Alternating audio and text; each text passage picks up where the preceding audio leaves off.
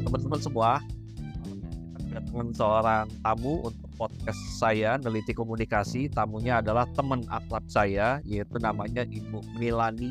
Tapi karena kita udah akrab, kita panggilnya, saya panggilnya biasa Empok Mi gitu ya. Uh, kemudian beliau juga punya satu podcast juga.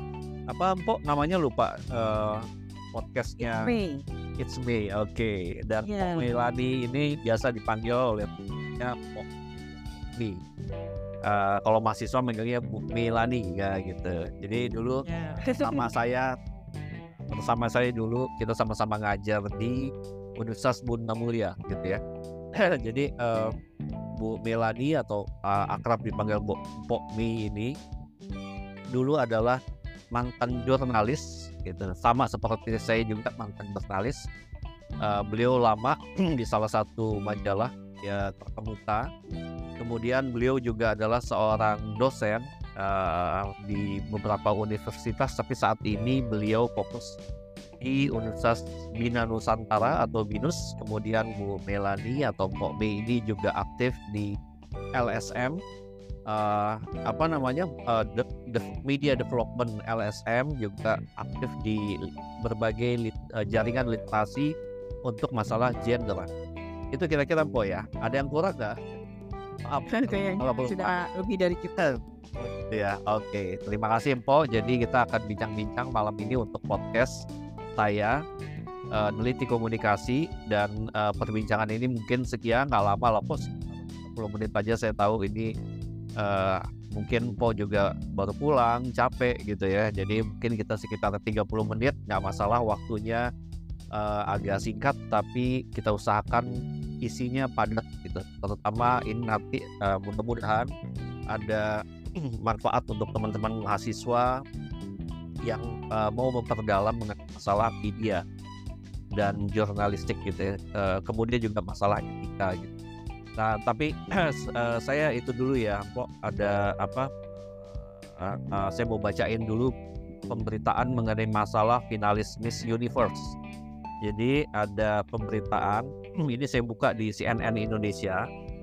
Uh, beritanya tanggal 7 Agustus hari Senin, uh, Senin kemarin, tanggal 7 Agustus itu mengenai adanya salah satu finalis Miss Universe Indonesia 2023 ini inisialnya N diduga menjadi korban pelecehan seksual usai difoto tanpa busana dan dia kemudian melayangkan laporannya ke Polda Metro Jaya. Saya kutip dari CNN Indonesia. Jadi dia cerita ketika di depan polisi dia didampingi oleh kuasa hukumnya dia cerita kepada polisi bahwa dia tiba-tiba diminta gitu ya dalam tanda kutip ditodong untuk melakukan yang namanya body checking. Waduh, Kemudian uh, dan hal ini membuat klien kami merasa terpukul karena martabatnya dihinakan. Ya, katanya si kuasa hukumnya si N uh, di Polda Metro Jaya. Jadi uh, body checking itu dia harus memperlihatkan uh, dia harus telanjang, dia harus uh, memperlihatkan bokongnya gitu ya. Uh, ini uh, yang apa namanya uh, ada uh, pemberitaan di ada uh, di alinea berikutnya itu disebutkan bahwa ketika dia buka bajunya, buka taknya, gitu ya, BH-nya, uh, kemudian uh, pakaian dalamnya itu di ruangan ada tiga, sorry, ada laki-laki uh, gitu. Uh, walaupun katanya dia laki-laki itu kemungkinannya gay, tapi dia tetap aja dia merasa terpukul. Kemudian juga dia difoto oleh yang si panitia tersebut yang melakukan body check body check. Nah ini ternyata berdampak banget karena akhirnya fotografer resmi yang ada di kepanitiaan dia mengundurkan diri karena dia merasa bukan uh, dia tidak uh, apa namanya dia tidak terlibat si fotografer resminya uh, masalah keperempuanan, kemudian juga gender gitu ya. Jadi saya boleh tanya dulu, Pok, kira-kira pendapat Pok gimana nih atas peristiwa ini? Ya, mungkin kalau uh, sebagai ini ya, sebagai perempuan ya, ya. Uh, pertama uh, ini ya saya manggilnya enaknya apa sih? Biasanya kalau manggil apa? Bro atau gimana? Bro enak gitu. Loh nggak apa-apa. Uh, uh, sebagai perempuan ya ketika mendengar berita itu rasanya marah sedih gitu. Uh, kenapa ya? Apa? Uh, apakah itu bisa dikatakan syarat yang apa? Yeah. uh, kira-kira wajar gitu loh untuk uh, saat ini. Uh, di mana untuk ukuran Miss Universe itu apa sih gitu yang menjadi kriteria orang seorang wanita harus menjadi Miss Universe gitu. Uh, otomatis yang dilihat itu misalnya kalau menurut uh, Bro Yuri apa? Kalau untuk menjadi seorang wanita yang menjadi Miss Universe. Ya barangkali gitu ya. Kalau saya sih nebak ya. Nebak uh, apa uh, uh, tim panitia universe ini pengen misalnya gitu uh, uh, dari si orang-orang peserta Miss Universe ini mungkin kulitnya mulus tidak ada tato barangkali ya. Ini barangkali maaf. Ya buat mereka yang bertato ya maaf. Ini cuma dugaan saya doang bukan bukan berarti orang yang bertato ya. kemudian uh, barangkali juga kulitnya ada yang ya maaf mungkin ada yang nggak uh, bagus gimana gitu. Jadi hmm. barangkali barangkali um, mereka mau ngecek dulu nih ini benar gak sih? Jangan cuma nanti yang kelihatan cuma tangannya tapi barangkali di bagian lain gitu pada tubuh mereka tubuh peserta kontes itu ternyata ada cacatnya gitu itu itu yeah. ini ya pemikiran saya tapi yang jadi masalah apakah harus membuka seluruh auratnya gitu gitu dicek ya, ya. misalnya jadi perempuan jadi adanya kasus seperti ini ya Pak Yuri. Jadi sebenarnya ini uh, menunjukkan kalau seandainya pada pemilihan Miss Universe itu tidak menunjukkan misalnya perempuan sebagai subjek, tapi perempuan sebagai objek ya. Iya. Uh, uh, karena kalau perempuan sebagai subjek, diri kita itu tidak bisa dilepaskan ya terintegrasi iya. dengan ya kita ibaratkan ada tiga brand ada tiga brand nih katanya nih Pak Yudi ya. uh, beauty ya. brain ya. dan satu lagi behavior nah tiga B ini itu sudah menjadi standar universal dari uh, memang kalau untuk cantik itu cantik the beauty, beauty ya. Lalu yang kedua apa? Yang kedua itu adalah brain ya memang kita secara akademis uh, misalnya kita tahu oh dia memiliki latar belakang pendidikan yang bagus, dia memiliki apa um, aktivitas sosial um, menjadi apa um, pembela hak asasi manusia atau sebagainya itu adalah urusan dari uh, brain ya, jadi pendidikan atau latar belakang kegiatan sosial dan sebagainya. Dan yang berikutnya adalah behavior. Dan behavior ini kan uh, sangat luas ya, uh, Yuri. Terus di sini dalam arti uh, bagaimana seorang dikatakan cantik itu yeah. ternyata bisa menunjukkan uh, perilaku yang baik perilaku yang apa uh, kayaknya secara universal itu bisa diterima kenapa saya katakan universal di sini karena uh, kalau yang universal itu berarti baiknya itu secara menyeluruh memang bisa diterima di semua pihak. Nah, yeah. kalau seandainya ternyata dari tiga b ini ada yang timpang, orang menyorot menyorot saja pada beauty-nya saja, yeah. pada perempuan itu uh, dilihat tidak sebagai subjek yang dikabit tapi sebagai objek. Nah tadi seperti yang terdekat Pak Yuri mungkin uh, oh mungkin mulus atau tidaknya ya sebenarnya tidak berarti kan kata, kata gini uh, tidak ada manusia yang sempurna tidak ada gading yang tidak ya kan yeah. pasti sedikit tidaknya tuh manusia pasti ada mungkin siapa tahu pasti oh ada apa sedikit goresan tapi apakah itu akan memenuhi uh, peluang dia menjadi Miss Universe. Jadi kalau seandainya memang mau memilih pemilihan Miss Universe tolong ketiga B ini menjadi sebuah hal yang perlu diperhatikan. Jangan melulu pada unsur beauty beauty dan beautynya saja. Karena kalau seandainya pada beauty dan beauty hanya melihat wajahnya hanya melihat kemulusannya, keelokan tubuhnya itu menjadikan perempuan sebagai objek uh, dari sebuah kegiatan. Jadi sebenarnya uh, kalau ini uh, dilestarikan ya, uh, kalau tidak menjadikan sebuah ajang Miss Universe sebuah apa ya sebuah ajang bergengsi dan prestisius, tapi sebuah objek ya objek uh, event yang mengobjekkan perempuan ya uh, sebagai ya sebagai bagian dari event tersebut bukan sebagai subjek seperti itu. Setuju sih. Um, kalau seperti ini tunggu. Uh, apalagi seperti ini juga orang-orang yang menilainya itu uh, walaupun tadi mohon maaf ada yang katanya gay gitu kan adalah uh, orang-orang yang menilai itu adalah lawan jenis. Yang yeah. mana otomatis uh, secara kultur itu kan juga bertentangan dengan nilai dan norma.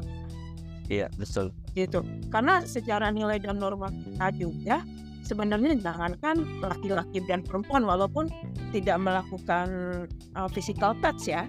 Yeah. Perempuan sama perempuan saja, mohon maaf, kalau tidak untuk misalnya kegiatan medis dan sebagainya, sebenarnya kan tidak diperkenankan tanpa busana itu. Iya. Jadi secara nilai dan norma pun itu berbeda. Jadi uh, sangat disayangkan ini tentunya bertentangan dengan nilai dan norma kita sebagai orang timur dan tentu juga bertentangan dengan nilai-nilai agama. Karena ketika kita tanpa busana itu berhadapan dengan non muslim yang mayoritas adalah laki-laki. Jangan kan laki-laki sesama perempuan pun tak enak gitu loh. Apalagi dengan lawan jenis. Walaupun katanya tadi ada tanda kutip ya siapa yang menilainya seperti itu sih. Dan yang memperparah lagi ini uh, di foto, di foto gitu ini kan lebih parah lagi kan. Katanya buat dokumentasi jadi mereka telanjang foto bohongnya lah apa kan kan kalau disalahgunakan gimana? Oleh si panitia. Kan kita nggak bisa kan betul. walaupun, menjamin ya. Oh, walaupun dengan foto misalnya perempuan gitu. Tapi apakah terjaga gitu?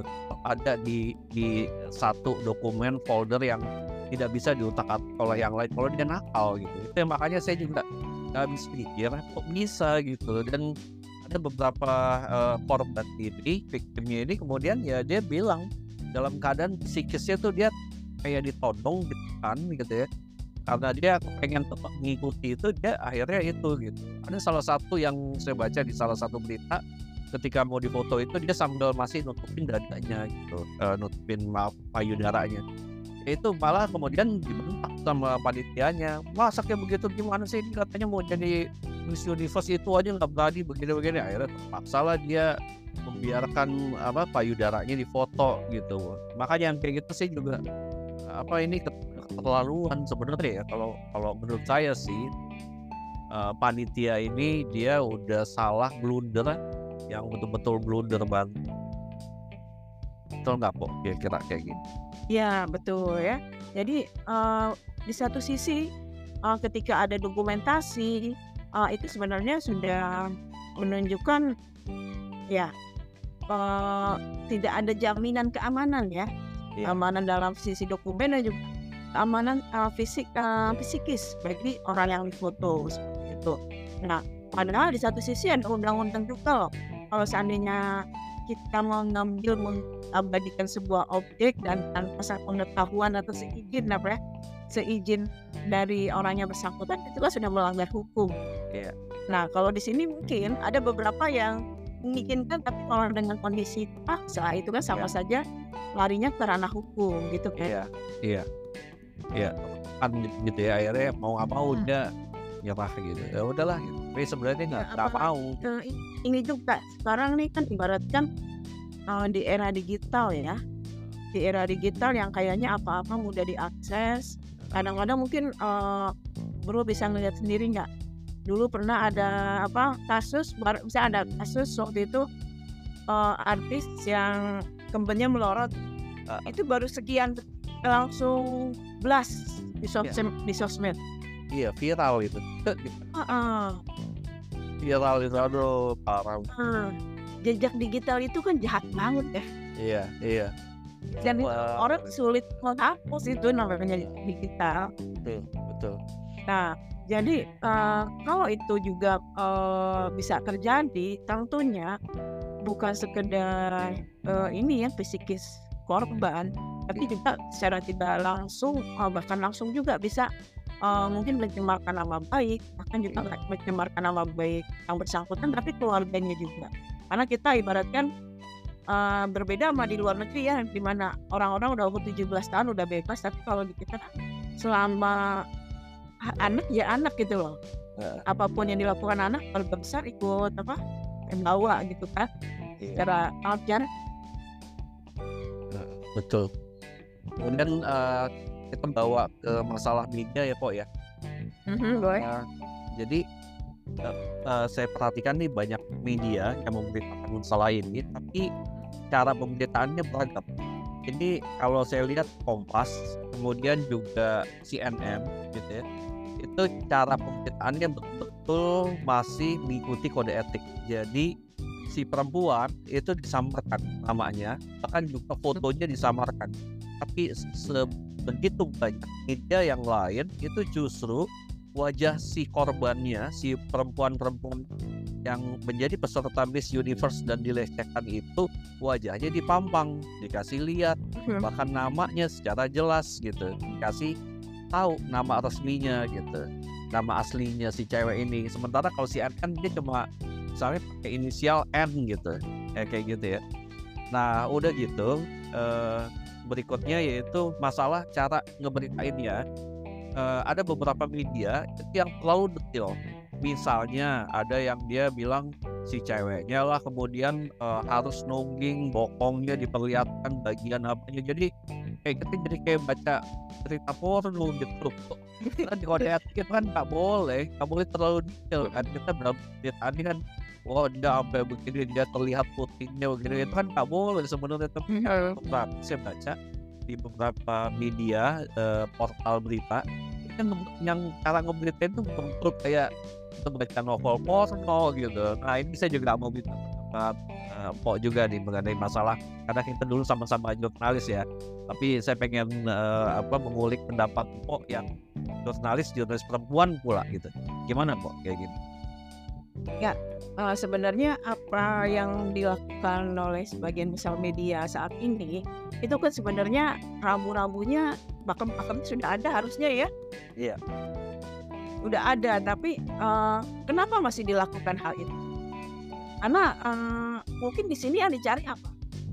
Oh, sensasi. itu sensasi akan mengundang banyak banyak orang nah, akan membuka beritanya. Kalau apalagi sekarang uh, kebanyakan udah online ya. Iya. Mereka mencari viewer. Karena gini, untuk kasus ini, uh, jangankan untuk kasus ini, untuk kasus yang misalnya mahasiswa yang membunuh kemarin tuh, iya. itu kan saya lihat di beberapa media tidak digulut sama sekali itu mukanya. Iya. Namanya pun jelas-jelas terpampang. Jadi yang saya lihat di sini sebenarnya hukumnya tuh sudah ada ya. Iya. Hukumnya sudah ada, rambu-rambunya sudah ada. Tapi uh, kenapa pihak media masih melakukan hal ini? Yaitu pertama mencari sensasi, ya itu satu. Lalu yeah. uh, kedua uh, berkaitan dengan mungkin dengan kasus ini ya, dengan kasus ini uh, secara tidak langsung yang mungkin jangan-jangan nih ya, yeah. bro, jangan-jangan yang menulis dan meliputnya itu adalah laki-laki. Ah iya betul, betul. Jadi ya betul. Jadi tidak tidak terlalu uh, ngerti dengan sensitivitas berita itu kali ya Pak ya masalah sensitivitas gender ya dengan sensitivitas berita lalu kedua mohon maaf laki-laki kan memiliki uh, imajinasi karena laki-laki itu memang makhluk visual ya ya itu ya. imajinasi makanya tadi seperti yang dikatakan oleh Pak Yuri ya. Ada pen penulisan atau uh, peliputan yang sangat uh, vulgar. gitu ya. Iya. Deskriptif tapi vulgar jadi.